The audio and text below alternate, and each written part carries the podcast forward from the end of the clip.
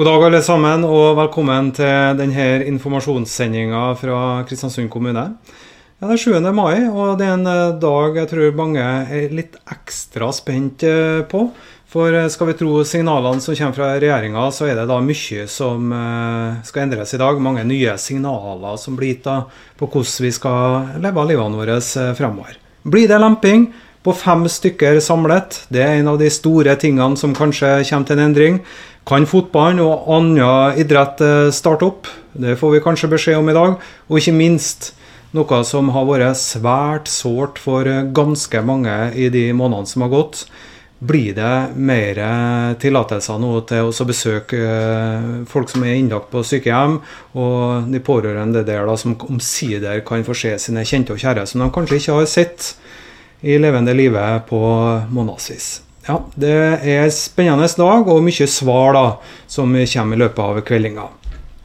Hvis eh, du har noen spørsmål til oss i sendinga, eller til noen av de som skal være med her, så er det hjertelig velkommen til å sende inn dem på denne e-postadressa som vi har oppretta for anledningen. Det er korona, krøllalfa, kristiansund.kommune.no. Og hvis du derimot ønsker å prate med noen som eh, jobber med barn, familie og helse, så er det også oppretta en egen telefon der. Eh, bare ring 41 68 81 13 hvis du trenger noen å snakke med. Vi har kikka litt på infrastrukturen òg, og ser det at flytrafikken den er i rute. Nå er det jo riktignok bare fire flybevegelser i dag. To fly som skal lette og lande. De er i rute. Når det gjelder helikoptertrafikken, så er det atskillig mer travlere. Men det ser du også ut for at det går greit der. Litt småforsinkelser er det i helikoptertrafikken, men ikke noe storgreier. Dagens værvarsel for Møre og Romsdal, og det er jo ikke akkurat oppløftende nyheter derifra, da, det må bare sies. Det blir vestlig bris, dreiende sørvest, skyer eller delvis skyer oppholdsvær. Fra i ettermiddag så blir det sørvest frisk bris, på kysten periodevis liten kuling. Eh, fra sent ettermiddag regnbyger, og så lenger nord, og da kommer det også snø da, over 600-800 meter. Neas ser det ut for at det meste går sånn som det skal. Der er ikke meldt om at det er noen store driftsproblemer i dag. 7158 1000 er nummeret du kan ringe hvis du derimot opplever at det er noen problemer med strøm eller, eh, eller internetten. 7158 1000. De faste gjestene er på plass. Rådmann Arne Ingebrigtsen, ordfører Kjell Nergård, og vi skal også prate med kommuneoverlege Askild Sandvik etter hvert. Ja, vi har fått eh, rådmann Arne Ingebrigtsen i studio i Tidens Grav i dag. Eh, Arne, så kan vi lese at eh, kommunen går inn med støtte til det lokale næringslivet. og Der presenterer de også en liste da, der mange av tiltakene som dere nå tenker på, da, ramses opp. Hva vil du dra frem fra den lista? Det er jo en del av lista går jo på å understreke det som kommunen allerede gjør, som å handler lokalt og eh, driver med omfattende utvikling, altså samfunnsutvikling, bygg, byggeprosjekter etc.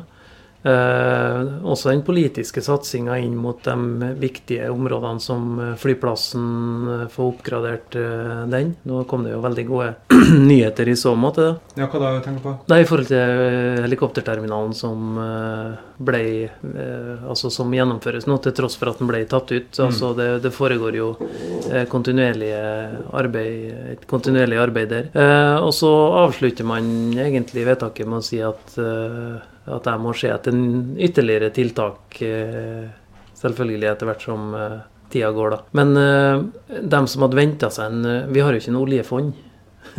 dem som hadde venta seg en lokal krisepakke med masse penger, de uh, vil jo bli skuffa. Uh, vi vil jo bruke Altså store deler av vedtaket går jo på å få opp aktiviteten i lokalt næringsliv igjen, sånn at man på nytt har noe å leve av for det er klart at eh, Selv om du ikke sitter på Nordlefond, så sitter du jo på et uh, ganske stort budsjett som du har en mulighet til å kanalisere noe av de pengene inn i, inn i slik at man da f.eks. Uh, handler lokalt og ikke velger leverandører som ikke er i kommunen. Ja, og det prøver vi jo så langt offentlige anskaffelser gir oss mulighet til det å gjøre uansett. Ja, for det er jo et opplegg som ofte kan jobbe litt imot det å handle lokalt. Ja, vi, vi, handler jo for eh, rundt 700 millioner i løpet av et år.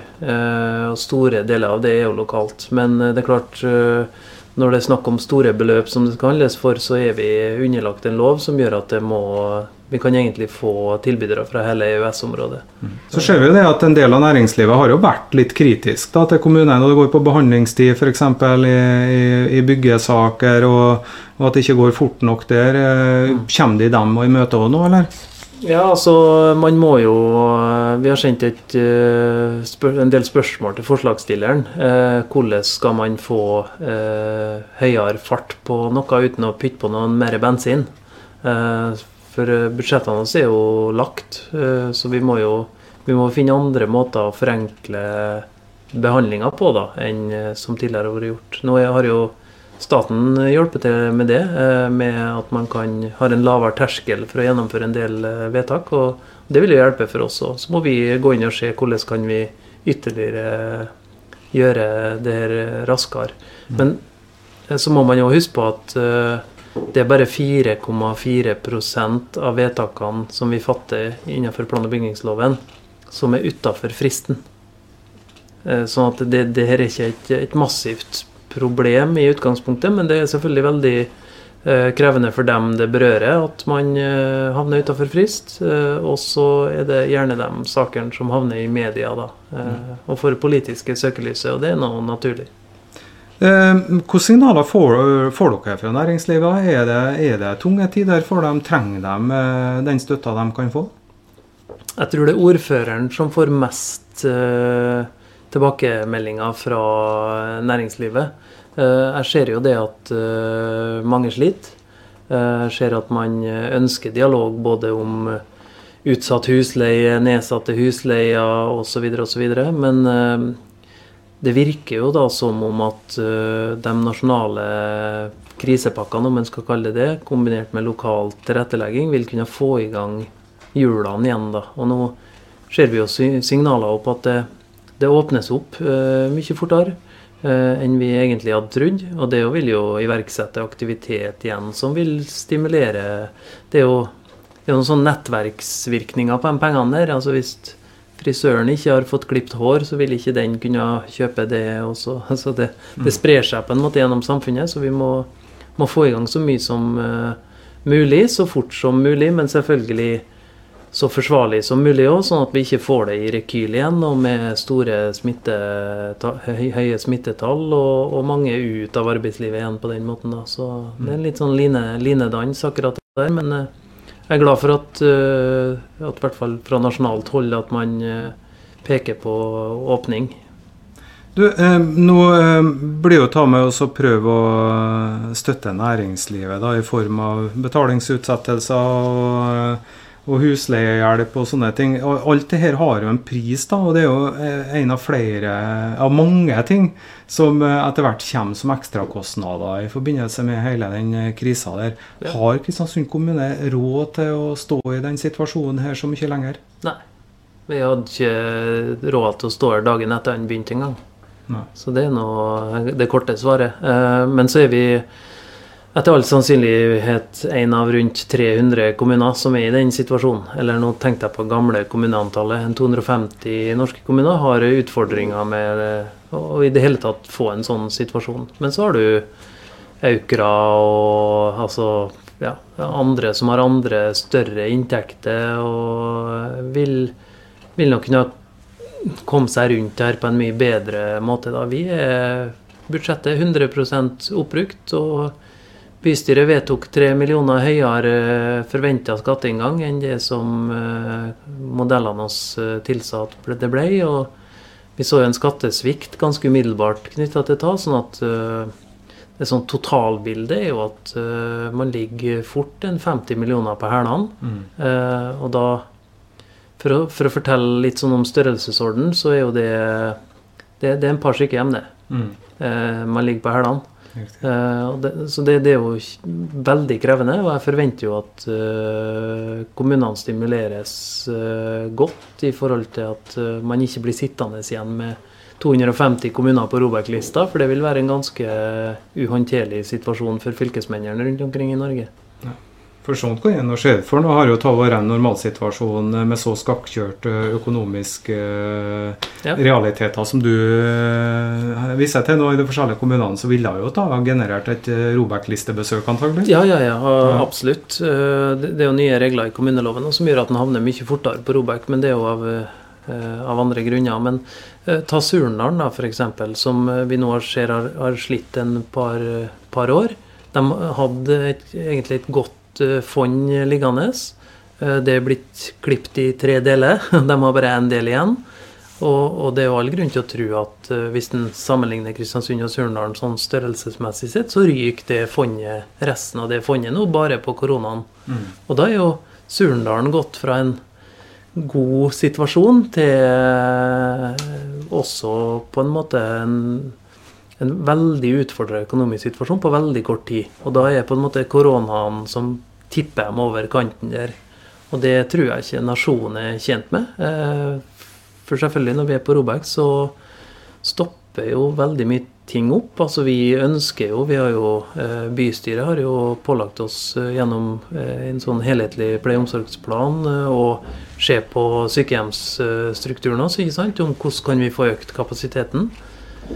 Det er jo ikke mulig hvis man eh, skal være på Robek. Da stopper jo alle investeringer. ikke sant? Da må vi leve med skoler som ikke er oppussa, og sykehjem som ikke er utvida. Så det begrenser alle kommunene vesentlig. Det er vel eh, med kommuneøkonomi som er med personlig økonomi antagelig, at det er dyrt å være fattig? Ja, nå har ikke vi eh, vi har jo kommet, altså Mens du er på Robek, så lever vi jo på en måte på kreditors regning. altså Da lever litt med kredittkortet. Eh, vi kom oss jo ut der. Vi hadde jo bare en gjesteopptreden, og vi har jo levert balanse eller bedre alle mine, de årene jeg har vært der. da.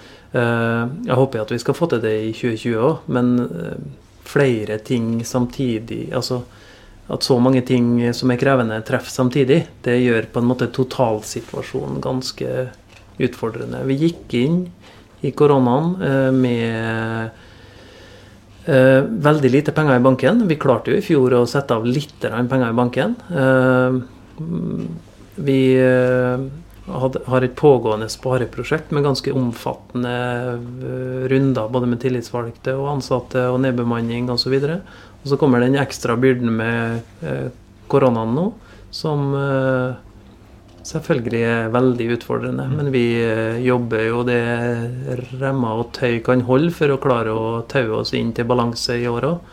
Eh, men sånn som bildet ser ut nå, så er det ekstremt krevende. KS hadde jo anslått eh, Kristiansund sine kostnader bare på koronaen til mellom 50 og 92 millioner. Mm. Det kommer jo på toppen av på en måte andre innsparingstiltak og skattesvikt og altså, ja. Men uh, vi har møter om økonomi hver dag. Uh, veldig glad for at vi tok grep tidlig og i hvert fall fikk kartlagt alle utgiftene vi hadde med korona, sånn at vi har en sjanse til å få kompensert det. da. Så ikke det blir ender opp til å være det som knekker, knekker oss. Det skal i hvert fall bli spennende å se hvilke signaler vi får i kveld ettermiddag fra, eh, fra myndighetene og regjeringa, og se da om uh, det blir stimulert til litt mer aktivitet både her og der. Det tror jeg vi begynner å kjenne på alle sammen at det trenger samfunnet nå. Takk skal du ha for at du kom eh, i studio. Det var rådmann Arne Ingebrigtsen, det. Ja, da har vi fått besøk av kommuneoverlege Askild Sandvik. Og uh, først, Askild, så må vi ta en status. Er det oppdaga noe ny smitte i Kristiansund? Heldigvis ikke. Ingen nye tilfeller. Så nå begynner det å bli en stund siden foregående, så det er vi jo fornøyd med. Vi har altså 20 bekrefta smitta, og i, i, hovedsak alle nå snart eh, frisk fra, fra smitte. Det, det, er klart at man blir jo definert frisk, så kan det i enkelte tilfeller være behov for etterbehandling. Men, men jeg, jeg, tror ut noen uker her nå, så vil, vil samtlige være koronafriske. Ja. Mm. Fin på håret, forresten. Det glemte jeg å si innledningsvis. Du har fått deg klept. Ja, takk for det. Det, var, det, det trengtes, for å si det sånn. Ja, Da fikk du nå se hvordan det funka, det her med det, de tiltakene som frisørene også har innført nå for å ha en god tilværelse på jobb. Fungerte veldig godt. Gode eh, smitteverntiltak der jeg var, og fornuftig system. Så, så det var bra. Mm. Og fornuftig system det skal handle litt om nå, Askild Sandvik. fordi vi får jo signaler nå da fra mm, regjeringa om at nå ønsker man at sykehjemmene skal gradvis åpne mer og mer opp. Hvordan ligger vi an eh, med det her i Kristiansund? Det har vi allerede begynt med. Eh, og det vi åpner for nå i første omgang, er er utendørsbesøk eh, fra pårørende. Besøkspoeng. Man holder to meter avstand, og at det avtales med, med avdelinga. Det tror jeg er viktig og verdifullt eh, tiltak nå. Så det, det, har vi satt i gang med, bl.a. på Storhaugen. Og, og, det vil bli igangsatt på alle sykehjemmene. Og det, og det, er positivt. Klart Når det gjelder sykehjem, så er jo det de, de pasientene som er i størst risiko i forhold til koronavirus. Og hvis man ser på dødsstatistikk både i Norge og, og, og, Sverige, så er jo den veldig høy i forhold til de innlagte på sykehjem. Slik at det er jo grunnen til at man har forsøkt å, å, å beskytte uh, de som bor på sykehjem mest mulig. Men det klart det blir jo en krevende situasjon i forhold til både både pasientene sjøl og pårørende som ikke får fysisk møtes. Nå er jo gode digitale løsninger på det, men vi har jo stor forståelse for at det har vært en vanskelig, en, en vanskelig situasjon. Nå slipper vi opp sånn som resten av samfunnet gradvis, men vi har veldig Uh, veldig uh, fokus på det at uh, sykehjem er den siste plassen vi ønsker smitte inn. Så vi åpner for utendørs besøk. Og det er jo selvfølgelig, man skal ikke smitte altså man skal ikke være, man må være frisk for å besøke sin, sin pårørende. Et kortvarig utendørsbesøk. Og så er det fortsatt kaldt i mai. Det er en del nordøst og, og, og sånt. Og, og, kan være litt ufyselig. sånn at vi ønsker ikke på en måte at de besøkene skal være veldig lange, da, slik at, vi, slik at uh, beboerne på sykehjem pådrar seg infeksjoner. Men det er en viktig start. Og så får vi se hvordan veien blir videre. Ja, for Enkelte har jo faktisk ikke sett uh, sine nærmeste siden mars. Mm. Ja, og det er, uh, og det er jo òg en stor belastning. Nå har som sagt sykehjemmene gode digitale løsninger, men vi skjønner at det ikke blir det samme. Så, uh, sånn at det blir, det blir verdifullt enn å få i gang den formen for besøk. Og det er på en måte en start. Men det er viktig at alle setter seg inn i reglene og tar kontakt kontakt med avdelinga på forhånd for avtale og, og, regler i forhold til et, et sånt uh, utendørsbesøk. da. Ja, Er det de pårørende her nå da som må ta et initiativ til et slikt møte? Ja. ja. ja. Du, eh, I et leserinnlegg som uh, gjorde stort inntrykk på mange, skrev datter i Riksavisen at hun vil heller at foreldrene mine skal dø av korona enn av hjertesorg. Mm. Eh, fordi de har ikke sett hverandre på månedsvis, og det gikk tungt innpå dem. Mm. Det sier jo litt om hvor vanskelig det her har vært. Kjempevanskelig situasjon og stor medfølelse for, for de, de, pårørende. Uh, og skjønner at det har vært fryktelig vanskelig. Men så har du igjen menn. Uh, høyrisikogruppe. Og klart at får man smitta inn i et sykehjem, så Eh, så, så, gir jo det risiko for alle beboerne der. Mm. Og, det, og det, jo, det, må man ha med seg, slik at man må åpne noe for forsvarlige besøk utendørs i første omgang, og så får man på en måte se. Og, og, og det er klart at når, altså, det, jo, det, åpnes jo selvfølgelig også for besøk hvis man, eh, hvis man ligger på det siste, f.eks. Altså, sånt har vi jo uh, hatt muligheter for, og det har vi jo selvfølgelig fortsatt. sånn at mm. Men, eh, men, jeg har stor forståelse for pårørende sin situasjon. Jeg har stor forståelse for at sykehjemsbeboerne kan, kan ha følt seg isolert oppi der. Det, det har jeg altså. Men det har jo helt åpenbart vært et vellykka tiltak. For ingen har jo blitt eh, smitta på sykehjem, så det har jo fungert, det her. Vi har ikke hatt noen tilfeller i sykehjem i byen, og det skal jeg være veldig veldig glad for. Og det har fungert, men det har selvfølgelig hatt de menneskelige omkostningene som man som, eh, som, man ser. og Derfor er jeg jo glad for å, for å si i dag at nå, nå, åpner vi jo for en, eh, for en form for, for besøk her.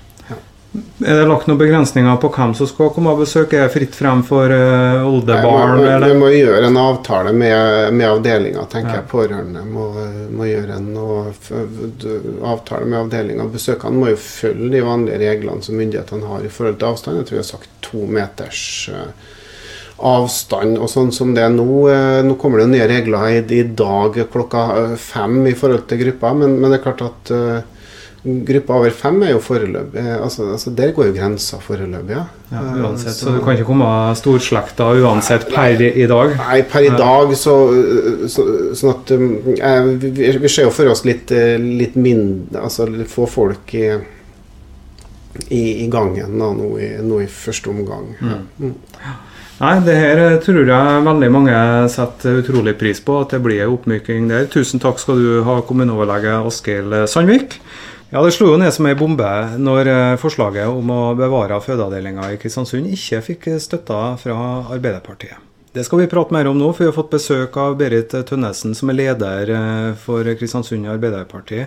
Og Si det da, Berit, at din egen partiledelse de gjør det jo ikke lett for dere her i Kristiansund?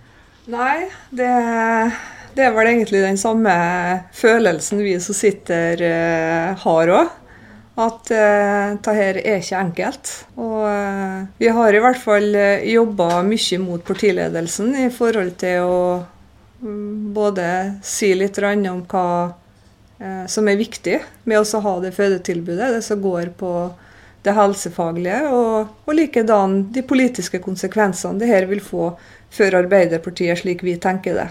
Ja, for Jeg har liksom alltid sett på Kristiansund som en arbeiderpartiby, og historisk sett så har det jo vært mange som har stemt på Arbeiderpartiet i Kristiansund.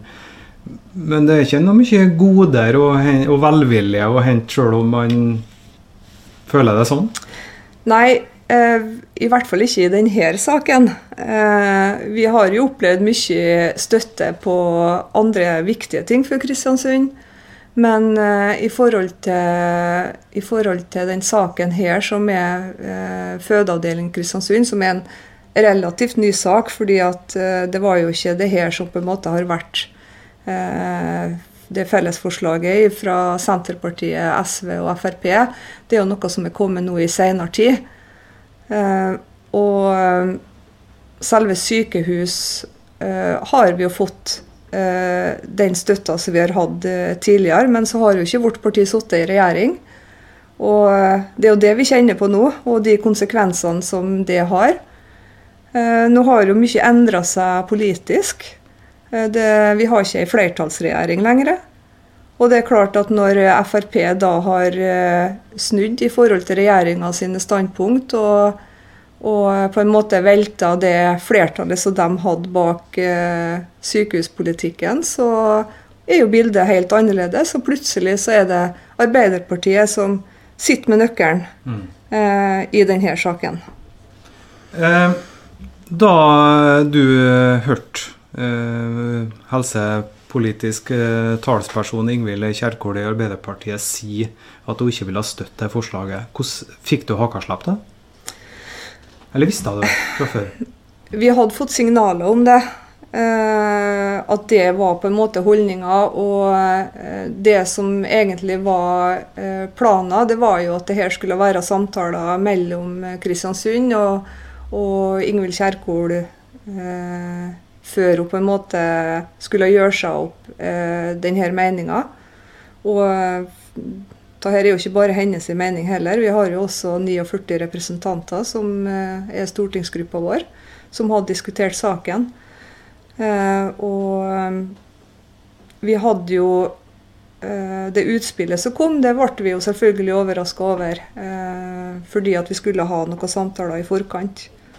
Og så var det mange ting som gjorde at det kom da det gjorde. Vi satt jo i formannskapsmøte. og Eh, både jeg og ordfører og andre sentrale folk i, Kristiansund Arbeiderparti. Eh, så det er klart at eh, vi så jo det i sidesynet, at det begynte å tikke inn noen meldinger om at her var det sagt noe fra vårt parti. Så sånn sett så var jo det i hvert fall et overraskende tidspunkt. Mm. Men selve standpunktet har vi jo vært klar over har stått der men det var ikke det at vi Vi opplevde ikke at det på en måte skulle eh, kunne gjøres uten at vi hadde fått den muligheten til å snakke sammen, da. Nei, og eh, dere jobber jo sikkert videre nå, men får de partiledelsen til å snu på dette? Hvordan, hvordan tar de tak i det videre? Nei, altså det vi, det vi gjør nå, er at vi har samla oss eh, Vi har ordførerne på Nordmøre. Vi hadde et lite møte tidligere i dag òg, der vi har, eh, har eh, satt oss ned og lagt en plan for hvordan vi nå skal nå inn til partiet, slik at de virkelig uh, forstår konsekvensene både i forhold til forslaget uh, for fødende kvinner, og uh, ikke minst det politiske. fordi hvis Arbeiderpartiet ønsker å komme til makta ved neste korsvei, så er vi selvfølgelig avhengig av at partiet er med oss som er lokalt. Og det må vi få synliggjort. Arbeiderpartiet har mye god politikk. Men vi får ikke gjort noe med den gode politikken hvis ikke vi kommer i regjeringsposisjon.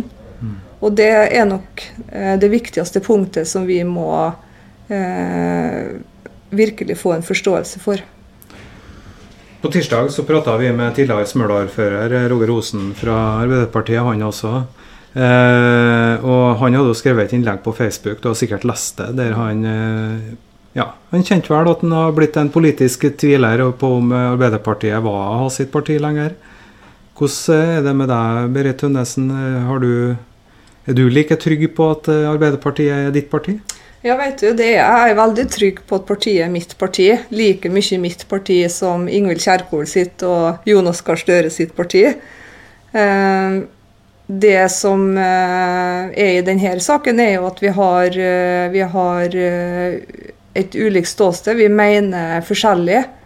Men jeg har jo, jeg har jo uh, tenkt som så at hvis at vi, altså våre stemmer, skal fjerne oss fra partiet, så har vi jo ingen, da har vi jo ingen plattform å stå på. Og, og få endra Arbeiderpartiet sitt uh, ståsted verken i denne saken her eller i andre viktige politiske saker som uh, som eh, vi mener partiet vårt skal fokusere på. For Arbeiderpartiet er i mitt hjerte.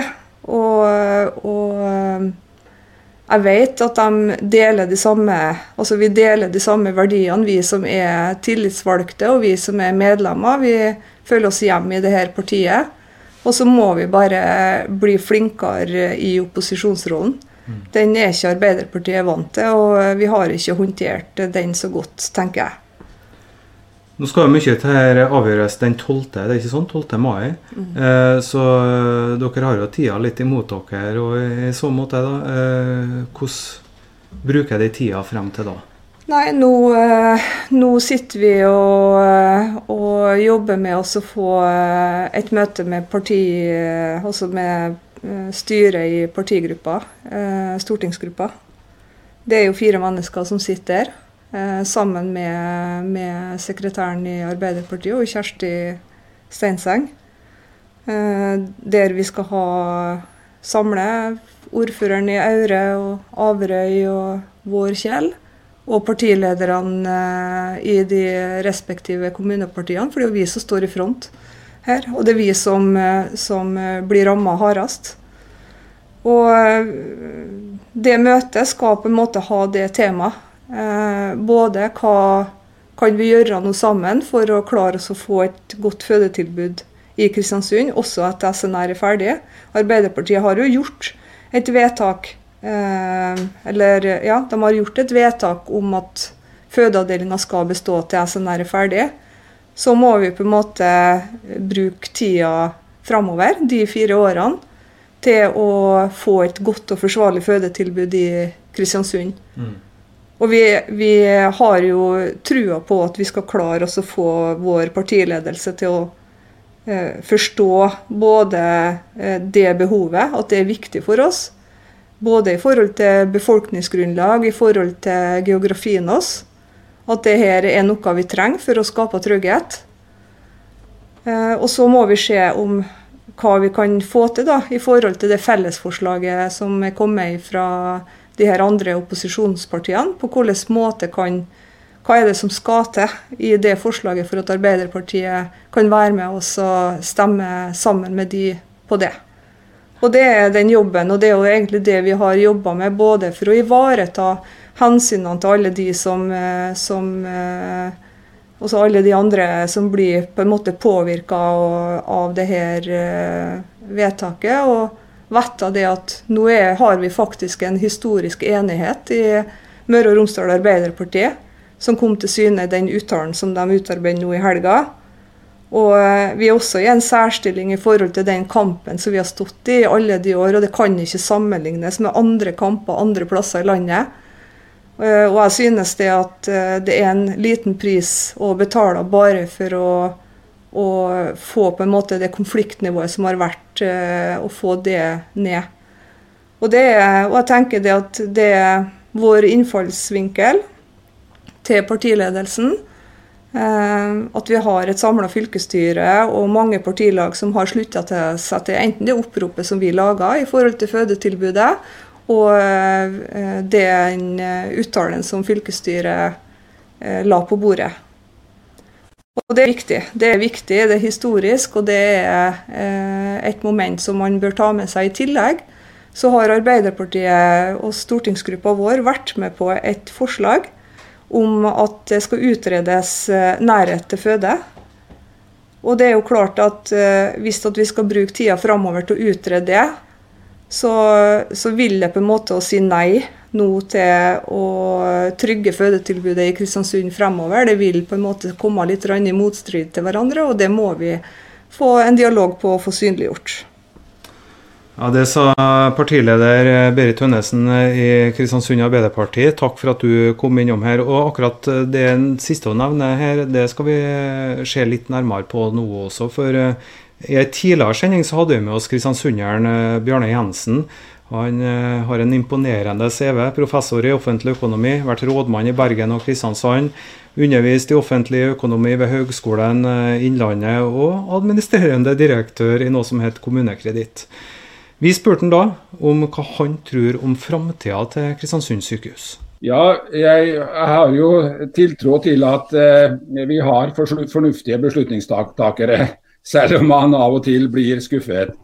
Men at man eh, nå må sette seg ned, gå gjennom de gamle kalkylene som eh, eh, for øvrig var gjort før man hadde bestemt seg hvor dette fellessykehuset skulle være.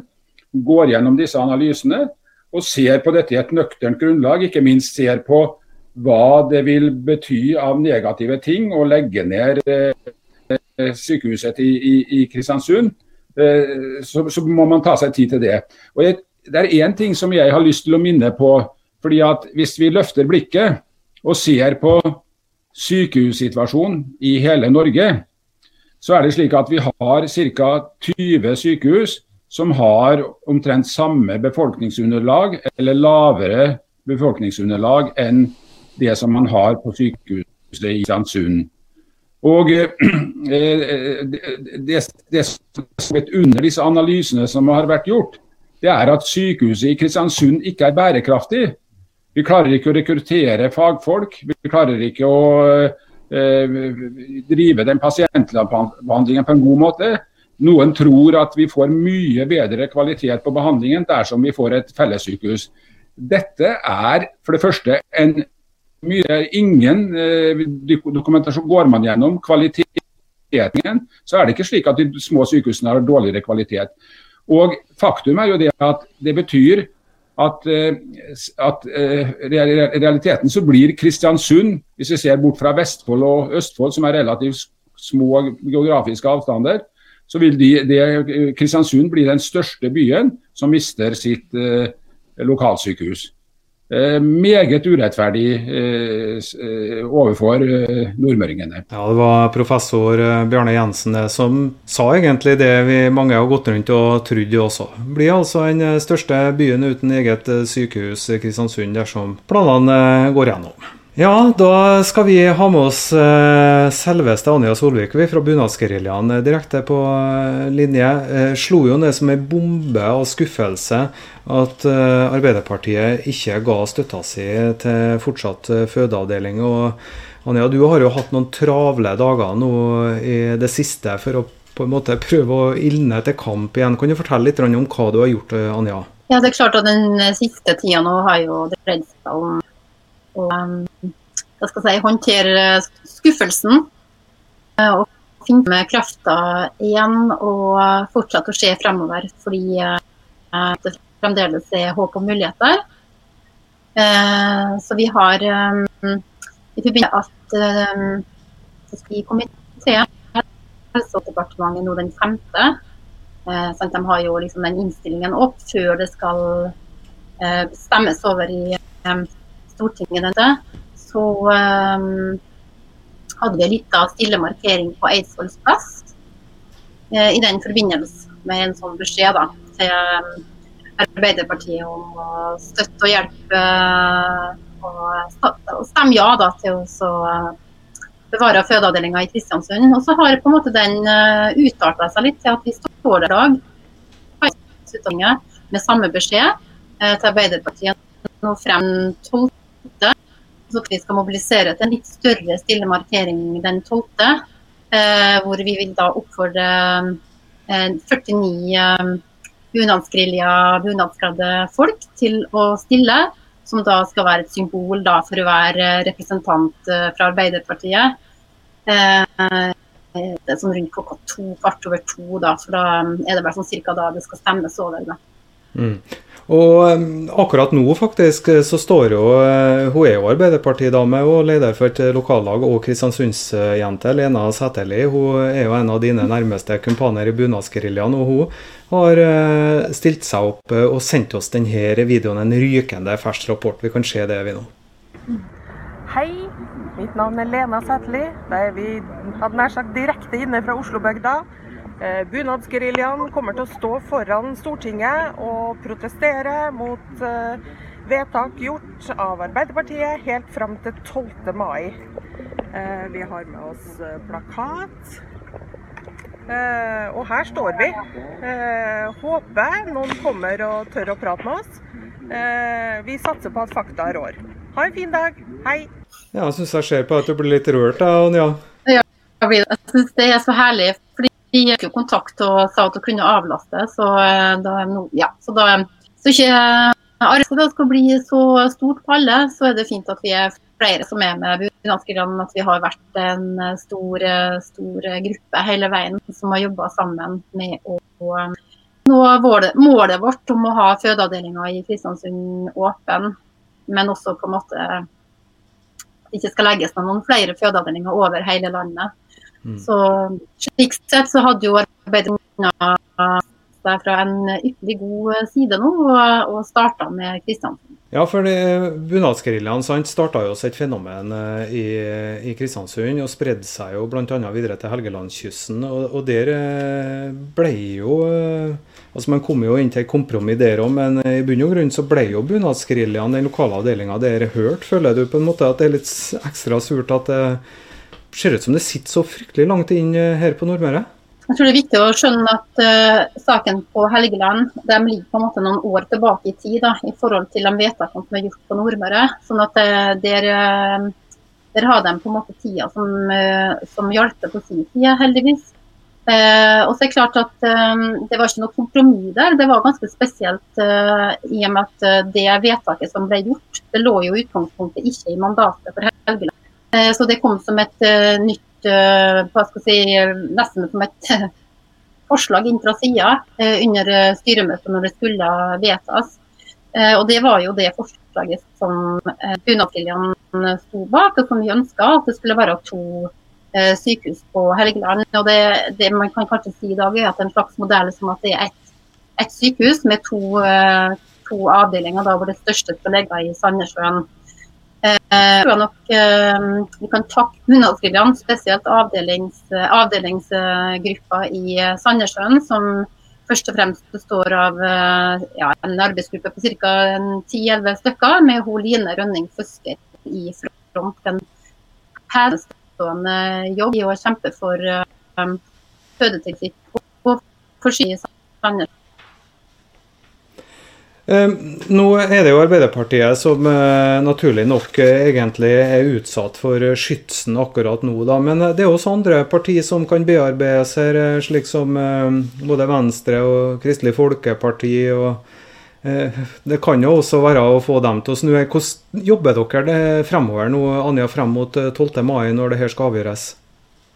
Det er kanskje interessant hvordan vi har jobba nå. og vi har januar jobba vi med å ha møter med stortingsrepresentanter og altså politikere generelt på Stortinget. Eh, og vi har jo snakka med alle partiene. Eh, og så ble det jo sånn at, eh, at det kom til det forslaget sant, som, hele, som nesten en samla opposisjon samla seg om. Senterpartiet og SV, og nå også støtte fra MDG og Fremskrittspartiet, om da fødeavdeling i Kristiansund også etter at et fellessykehus står ferdig Eh, og da eh, er det viktig å tenke at vi også vi har jo erfaring fra 14. mai i fjor, og da så vi jo at det er veldig vanskelig å få eh, partier som sitter i regjering, da, om å på en måte satse stolen sin på å støtte et sånt forslag. Så da anså vi det som klokt prioritere å forsøke å få støtte fra Arbeiderpartiet. Og i og med at vi på en måte forutså scenarioet også, så har vi vært i, eh, i, eh, ja, vi har i hvert fall forsøkt å komme i dialog med Arbeiderpartiet sentralt eh, fra 2.1. Og vi har vært i møter med stortingsrepresentanter på Stortinget som sitter i helse- og omsorgskomiteen for Arbeiderpartiet. Og vi har levert informasjon så godt vi har kunnet, både om reisetid for kvinnfolk på Smøla og, og Tustna, og også i Kristiansund. Vi har levert ca. antall dager hvor det ikke går an å fly helikopter til å, til å hente dem. Og vi har eh, fokusert på eh, det som jeg tror Arbeiderpartiet er veldig opptatt av. Da. Nettopp at det skal være et godt fagmiljø. Eh, og det har oppstått en slags antakelse, egentlig, som også gjelder for regjeringen.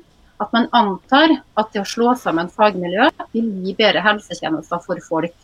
Og Det har vi vært opptatt av, å vise til Arbeiderpartiet informasjon som sier at sånn er det ikke. For det finnes ikke forskning som sier at det gir bedre helsetjenester for folk. Eh, det som jeg på en måte blir sånn oppgitt av, er at jeg alltid må sånn kjempe for de små eller de store. Forskning vi har, viser at det samarbeidet mellom de små og store som gir god beredskap og som redder liv. Og så har vi forskning som sier at det er fra Hilde Engjom som vi har snakket om før òg, som sier at eh, den gevinsten du på en måte får da, ved å komme til et større fagmiljø, den eh, kan ikke veie opp mot risikoen det er for å, for å på en måte, med den lengre reiseveien å komme seg dit. Og Det gjelder jo også i forhold til akutt. Så vi um, eh, har, føler vi, gitt den informasjonen som er klok og god, eh, og sagt at det er viktig at de som er et stort parti, Eh, at de kan ta til seg den nye kunnskapen. Eh, og også at de kan forsøke å være litt eh, tøffe i opposisjon og støtte på det her. Så får det være opp til regjeringen og heller komme med pengene som skal til for å opprettholde fødeavdelinga i Kristiansund. Og Det gjelder jo også at det er viktig å ha begrepene i orden her. For et fødetilbud, eh, som Berit Tønnesen snakka om i sted, er jo på en måte ikke en fødeavdeling. Forskjellen er jo Eh, at vi ivaretar akutten ved ei fødeavdeling. Eh, så jeg tenker at nå er det viktig å kanskje eh, kjempe for å beholde en femdøgns ortopedipost i Kristiansund, fordi den kanskje vil følge et, en mulighet for å beholde fødeavdelinga da. Og jeg tror nok når det gjelder Arbeiderpartiet Jeg lytta veldig når Berit Tønnesen snakka, jeg syns det er så flott at de fortsetter å kjempe og fortsetter å gi denne informasjonen. Eh, videre til eh, sine partikollegaer. Jeg kan godt forstå at de er forferdelig skuffa, eh, men det var også veldig fint å høre at det er fremdeles håp frem til den 12. Det har skjedd før at et parti har snudd fra innstilling eller komiteen til det skal opp i Stortinget. Og Det er også grunnen til at vi står på som aldri før for å appellere til Arbeiderpartiet og deres hva skal jeg si, tanker om solidaritet og trygghet for kvinner som skal føde. Og så får vi håpe det ja, og så får vi håpe det, Anja, helt sånn avslutningsvis her, at eh, den store, stygge ulven, nemlig det at det går prestisje i ting, at det ikke blir det som blir viktigere enn de faktaene som f.eks. dere da legger på bordet? Ja, vet du, Vi må bare ha trua på at våre folkevalgte klarer å se forbi prestisje og ta til seg ny informasjon og ny kunnskap, og stemme for det som er rett. Uh, nærmer oss 17. mai, det, demokratiet står. Vi må, vi må bare ha trua på det, tenker jeg. Det var fint du sa, og akkurat som vi har snakka sammen på forhånd, eh, Anja. Fordi eh, demokratiet 17. mai og det stå sammen og være sterk, det skal vi få se et eksempel på nå. For eh, nå skal vi finne frem noen bilder fra forrige 17. mai, der du og gikk i tog i Kristiansund. Vi må heve våre stemmer, skal vi høres. Å, jenter,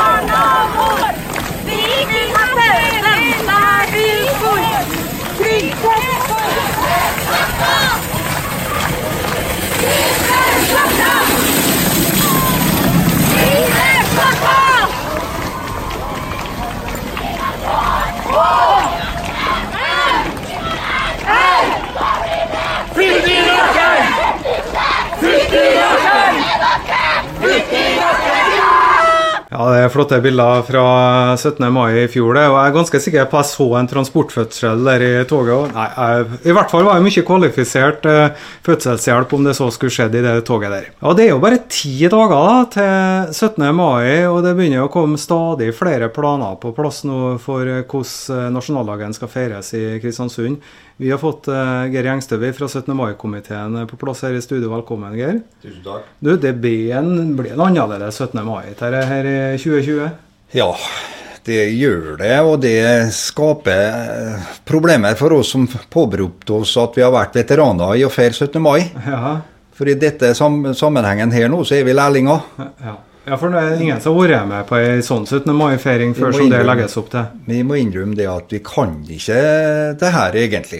Vi prøver, må få lov å prøve og feile litt. eh, Håper at det, at det skjer på forhånd, og at vi er mer drevne når 17. mai kommer. Ja, men for å ta det da, Geir. Hva er av de kjente og kjære tingene som nå blir gjennomført eh, som vanlig eh, på en 17. mai? Nei, heldigvis da så er det mulig å fyre fra kanonene klokka syv om morgenen. Ja. Det er ni kjente skuddene som eh, vekker dem som ikke har stått opp ennå. Skulle tatt fra den jobben, så har det, Nei, da, eh, det har ikke vært artig. Da har jeg blitt langtidssykemeldt. jeg. Ja. Jeg har fått uh, Ja, eh, da har jeg blitt dårlig, ja. Ja, det, det er godt du får gjort det, da. Og ellers, da? Nei, eh, det blir jo selvfølgelig da kransenedleggelser da. Mm. På forhånd som blir streama og klippet sammen da. For at vi ønsker minst mulig publikum eh, rundt eh, dem som legger på kransene. For å overholde til enhver tid de eh, reglene som eh, blir 17. mai. Og de kan hende at de blir, kommer i ettermiddag. Og det er litt eh, korteste, eller seneste laget for oss, da, som liker å ha ting klart i god tid. Eh, Det gjør det litt utfordrende, men vi har mange vante i 17. mai-komiteen som har vært med kanskje på 100 år til sammen. Ja. Og feira og planlagt. Og for øvrig er lang, lang, og sammen med leder Einar Jan Torvik, som har vært eh, idrettsleder og gått i 17. mai-tog sikkert i 70 år snart. Og for min del har jeg gått over 60 år. Og vært 31 år fanebærer i turn turnforeninga, så vi kjenner litt på kroppen heldigvis hvordan det, det burde ha vært. Ja, ja. Og ser for oss en del eh, eh, hvordan vi skal løse det her. Og det er klart at eh, vi legger oss flat, og med all respekt for den stedlige beredskapsledelsen krav til avstander og mengde, antall personer i grupper, eller Og det må alle publikum merke seg, at vi må følge hva som gjelder den 16. mai, som står i Tidens Krav, eller i media ellers. Ja. Men, men sånn, eh, nå er det jo fem eh, grupper på fem som gjelder per nå. Men så er jo som du sier, kan komme endringer på dette her i ettermiddag. Eh, Og da vil dere eh, forholde dere til de reglene som kommer, ikke sant? Ja, vi må for- forholde oss til kommunale, eller kommunelegen og hva de sier. Ja. Eh, Men Sjøl om det blir annerledes, da, vi ser ikke de store folkemassene i Klausensgata og bygatene ellers, og sånne ting, så kan jo ta bli ganske fint. For det å komme opp en ganske god del andre forslag også, som, eh, som tross alt kan gjøre at 17. mai 2020 er, blir eh, en positiv greie. da. Jo da, det er det vi har tenkt da, å prøve å arrangere for første gang en, en eh, såpass stor småbåtkavalkade eller parade i havna.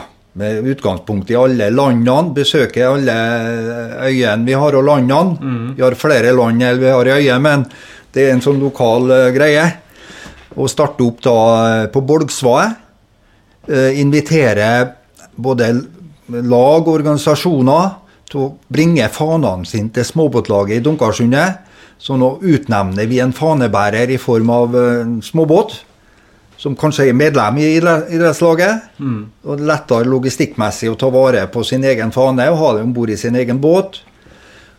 Og gå sakte fart da, på rekke og rad med forhåpentligvis RS Kristiansund, som er vår egen eh, redningsskøyte, Colin Archer, som kommunal eiendom, som flaggskip kaller for det. Ja. Fremste fanebæreren. Har, har du fått noe anslag på hvor mange båter som kanskje blir med på dette? Har du fora liksom å gjette? Nei, altså det er helt umulig, for det siger på stadig vekk. Og i går fikk vi eh, da forhåpentligvis at smøla henger seg på. Ja. For det skjer det jo ikke så mye på til sjøs og sånn. Og det er jo det Averøya har vist interesse. Og vi håper det at vi ikke tråkker Gjemnes på tærne, at det heller dem just, vi kan justere tiden, sånn at Gjemnes kan være med oss. ja, for de har et lignende arrangement De selv. skal gå rundt uh, Bergsøya, har jeg hørt, og litt sånn. Og det var kjempe om dem å kunne komme til byen sammen med Averøya og Smøla og Tustna og naboene våre. Ja. Støtta eh, byen. Du, ehm, har, har du Tora og begynt å sjekke værmeldinga nå for 17.? Ja, vi har sett på et sånn langtidsvarsel, og eh, der ser det brukbart ut. Skal vi se, langtidsvarselet har nå her. Jeg har til 16., det er ti Ja. dager framover, og Det der er 0 millimeter. Og den er ganske Den har et grønt symbol på seg, så det blir ikke nedbør. Og så tror jeg ikke det blåser noe særlig heller, og så er det 10 grader oversida. Ja. På 16., da. Det er jo eh, ideelt sånn sett, og vi håper det blir enda finere. Ja, ja. I, i grunn da, fordi at uh, av en eller annen rar grunn så er det, er det finvær på første, så blir det dårlig vær på 17. Er det dårlig vær på første, så blir det finvær på Ja, jeg har ikke lagt merke til, men når du sier noe, skal jeg begynne å følge med. Ja, ja, ja. Så jeg håper det slår til. For det var ikke noe særlig fint vær på første, da. For da var jeg for øvrig eh, fyr med kanonene igjen. Til eh, ære for arbeidernes frihetsdag. Ja. Når blir avgang for eh, denne båtparaden? Det er planlagt så langt til klokka tre, og jeg tror vi står for det. Ja. Og Da er det oppmøte ute på Bolksvaet senest eh, to-halv tre. Ja.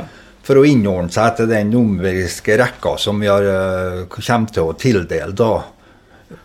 Og fanebærerne er de må følge slavisk den rekka si, Ja. sånn at kommentatorene på TV-en greier å følge med hva, hvem det er som kommer. Ja, det er det kan skje noen glipp der, men uh, da retter de seg inn, tenker jeg. Men publikum nå, de som har lyst til å se det, nå blir jo ta overført på TV-sendinga, men det er vel en del som antagelig vil se sitt snitt og prøve å se på, ta på direkten antagelig?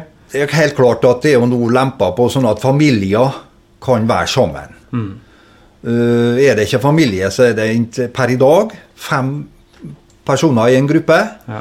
Og da er det avstandsregler som gjelder dagens. Så det er viktig at ikke piren fylles opp av Halebyen? byen. Piren blir eh, bestemt at den blir avstengt. Riktig? Halve nederste del av kaibakken blir stengt for publikum.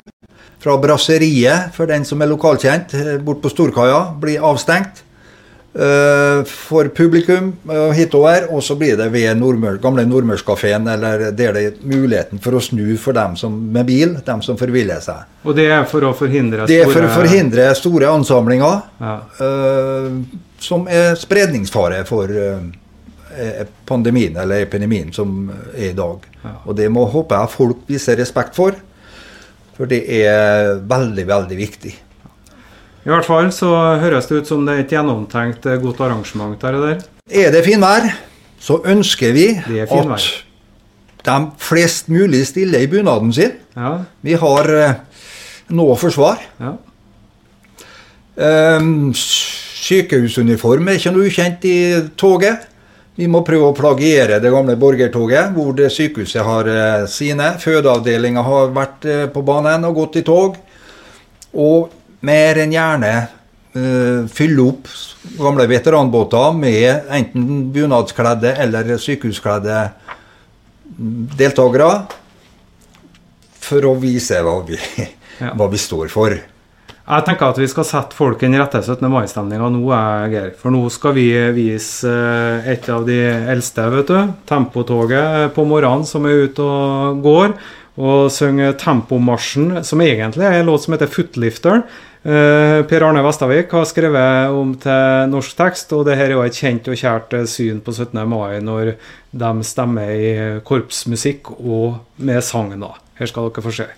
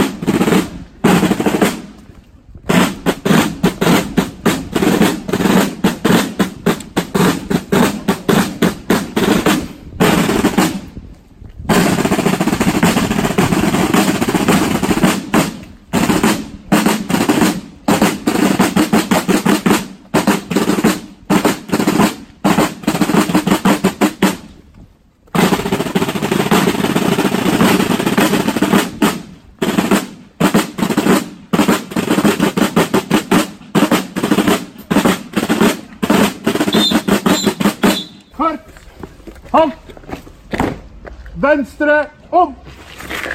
Ja, Hvis du ikke har 17. mai-stemning nå, så er ikke vår eh, feil, i hvert fall. Og så satser vi da på finvær, sånn som han Geir Gjengstø og jeg ble enige om at det blir det. I hvert fall så det sånn ut på 16. mai. Nå eh, går vi mot slutten av sendinga. Det gjør vi sånn som vi bruker. Ja, vi har med oss ordfører Kjell Nergård i studio. Kjell, hektisk møteaktivitet om dagen, ser jeg? Ja, det er det. Det er døgnet rundt. Jeg sitter i et møte nå som jeg stakk av fra, så jeg skal rett inn i et orkidémøte nå. Ja. Og så får vi jo signaler om at eh, resten av eh, skoletrinnene som ennå ikke har vært på skolen, kanskje kommer seg på skolen så tidlig som mandag. Ja, Siste spekulasjonene ser jeg fra Verna er jo det at uh, de, vi skal åpne på mandag, alle trinnene. Så det blir jo spennende å følge med resten av dagen, da, for da har vi jo bare morgendagen og helga til å planlegge det på. da. Ja. Så det blir ikke noe mindre, og det blir travel helg? Det blir helg for å planlegge det, men uh, vi er litt forberedt på at det skulle ha kommet noe. så Litt forberedt er vi selvfølgelig. Og gode erfaringer der fra de yngste trinnene som har vært på skolen eh, en god stund nå, så de kan bare åpne dørene omtrent, eller? Gode erfaringer. Jeg har en liten sønn sjøl som har begynt på skolen, og det fungerer veldig bra. Og jeg merker på andre som ikke nå er på skolen, at hun har lyst på skole nå. og Det har vært to måneder nå uten skole omtrent på de største. Og de savner kameratene sine og venninnene sine, så det er på tide at vi åpner. Men det må være under trygge forhold. Ja, det må jo være det. Og det er jo ikke mer enn en måned, drøy måned til, så er de ute i sommerferie og sånn, så må nå bare benytte seg av denne tida her. Ja, enig. Du, eh, vi har snakka mye sykehus i denne sendinga her i dag. Tidligere hatt en prat med dine partikollegaer om eh, Arbeiderpartiets standpunkt eh, for å ikke bevare fødeavdelinga i Kristiansund. Eh, har du noe nytt å fortelle der? Har dere noe kontakt med partiledelsen sentralt om det her? Ja, klart vi har det. Vi hadde, hadde møter gjennom hele helga. 1. mai hele helga hadde vi møte med fylkespartiet, og så har en hatt møter i etterkant med partiet med sentrale folk også. Vi skal prøve å få til noen møter i tillegg nå frem mot den 12. når beslutninga er tatt. For klart det er en veldig krevende situasjon for oss lokalt at eh, Arbeiderpartiet så langt ikke har støtta det forslaget som har kommet. Arbeiderpartiet fremmer jo sitt opprinnelige forslag om å be- bevare fødeavdelinga frem til fellessykehuset står ferdig, altså i fire år, Mm. mens ingenting om hva som skal skje etterpå. Det gjør jo det nye forslaget. da, Så kan vi si hva vi vil om det, om det er seriøst eller ikke, men det er i hvert fall fremma, og vi må nå jobbe for at eh, det skal støttes også av mitt parti. men... eh, Er det ikke litt merkelig at uh, de her beslutningene tas nå den 12., og det er jo ikke bare uh, sykehuset her i Kristiansund det skal dreie seg om, naturlig nok. Eh, enn så lenge den her, eh, situasjonen vi har nå pågår, burde man ikke ha stukket fingeren i jorda og venta og evaluert hele koronasituasjonen, og så komme de store sykehusbeslutningene etter det? Ja, det er jeg helt enig i. I forbindelse med Nasjonal helse- og sykehusplan som skal vedtas nå og debatteres, så er det kommet et forslag bl.a. fra Arbeiderpartiet om at de også skal se på det med nærhet til fødetilbud. Eh, lage en prosess på det fremover i tid. og Da tenker jeg at eh, ja, hvorfor da være med å legge ned en fødeavdeling før det, på en måte, det er sett på. Eh, nå blir jo sikkert fødeavdelinga berga i fire år, så vi har på en måte fire, fire, år på oss til å finne ut av det også. Men eh, vi jobber jo nå for at mitt parti skal støtte de tre andre partiene. så får vi se de nærmeste dagene hva vi klarer å få til sentralt. Ja. Er, det, er det håp om det, tror du? Er det grunn til å være optimistisk, eller sier realismen noe annet? Det er jo ikke til å legge skjul på at det har sett eh, tøft ut eh, så langt. Mitt parti har sagt at de står på sitt forrige forslag, eh, som vi ville ha bejubla i fjor på denne tida. At vi skulle få bevare fødeavdelinga i fire år til. Før i fjor så var det forslag om å legge ned fra august i fjor. Men ting har jo endra seg i løpet av året, bl.a. i forhold til nærhet og slike ting som det er forska på. så ja, Det er en tøff sak for oss da lokalt. Det er også tøff for partiet sentralt. Så vi får bruke de nærmeste dagene til å snakke sammen, så får vi se hva vi lander igjen. Ja, Vi får krysse fingrene, i hvert fall. Det er mange som gjør. Du eh, skal få lov til å springe inn i orkidémøtet igjen, ordfører Kjell Nergård. Og vi skal avslutte denne sendinga med Vita Lux, som vi bruker å gjøre. Ha en fin eh, torsdag da, folkens.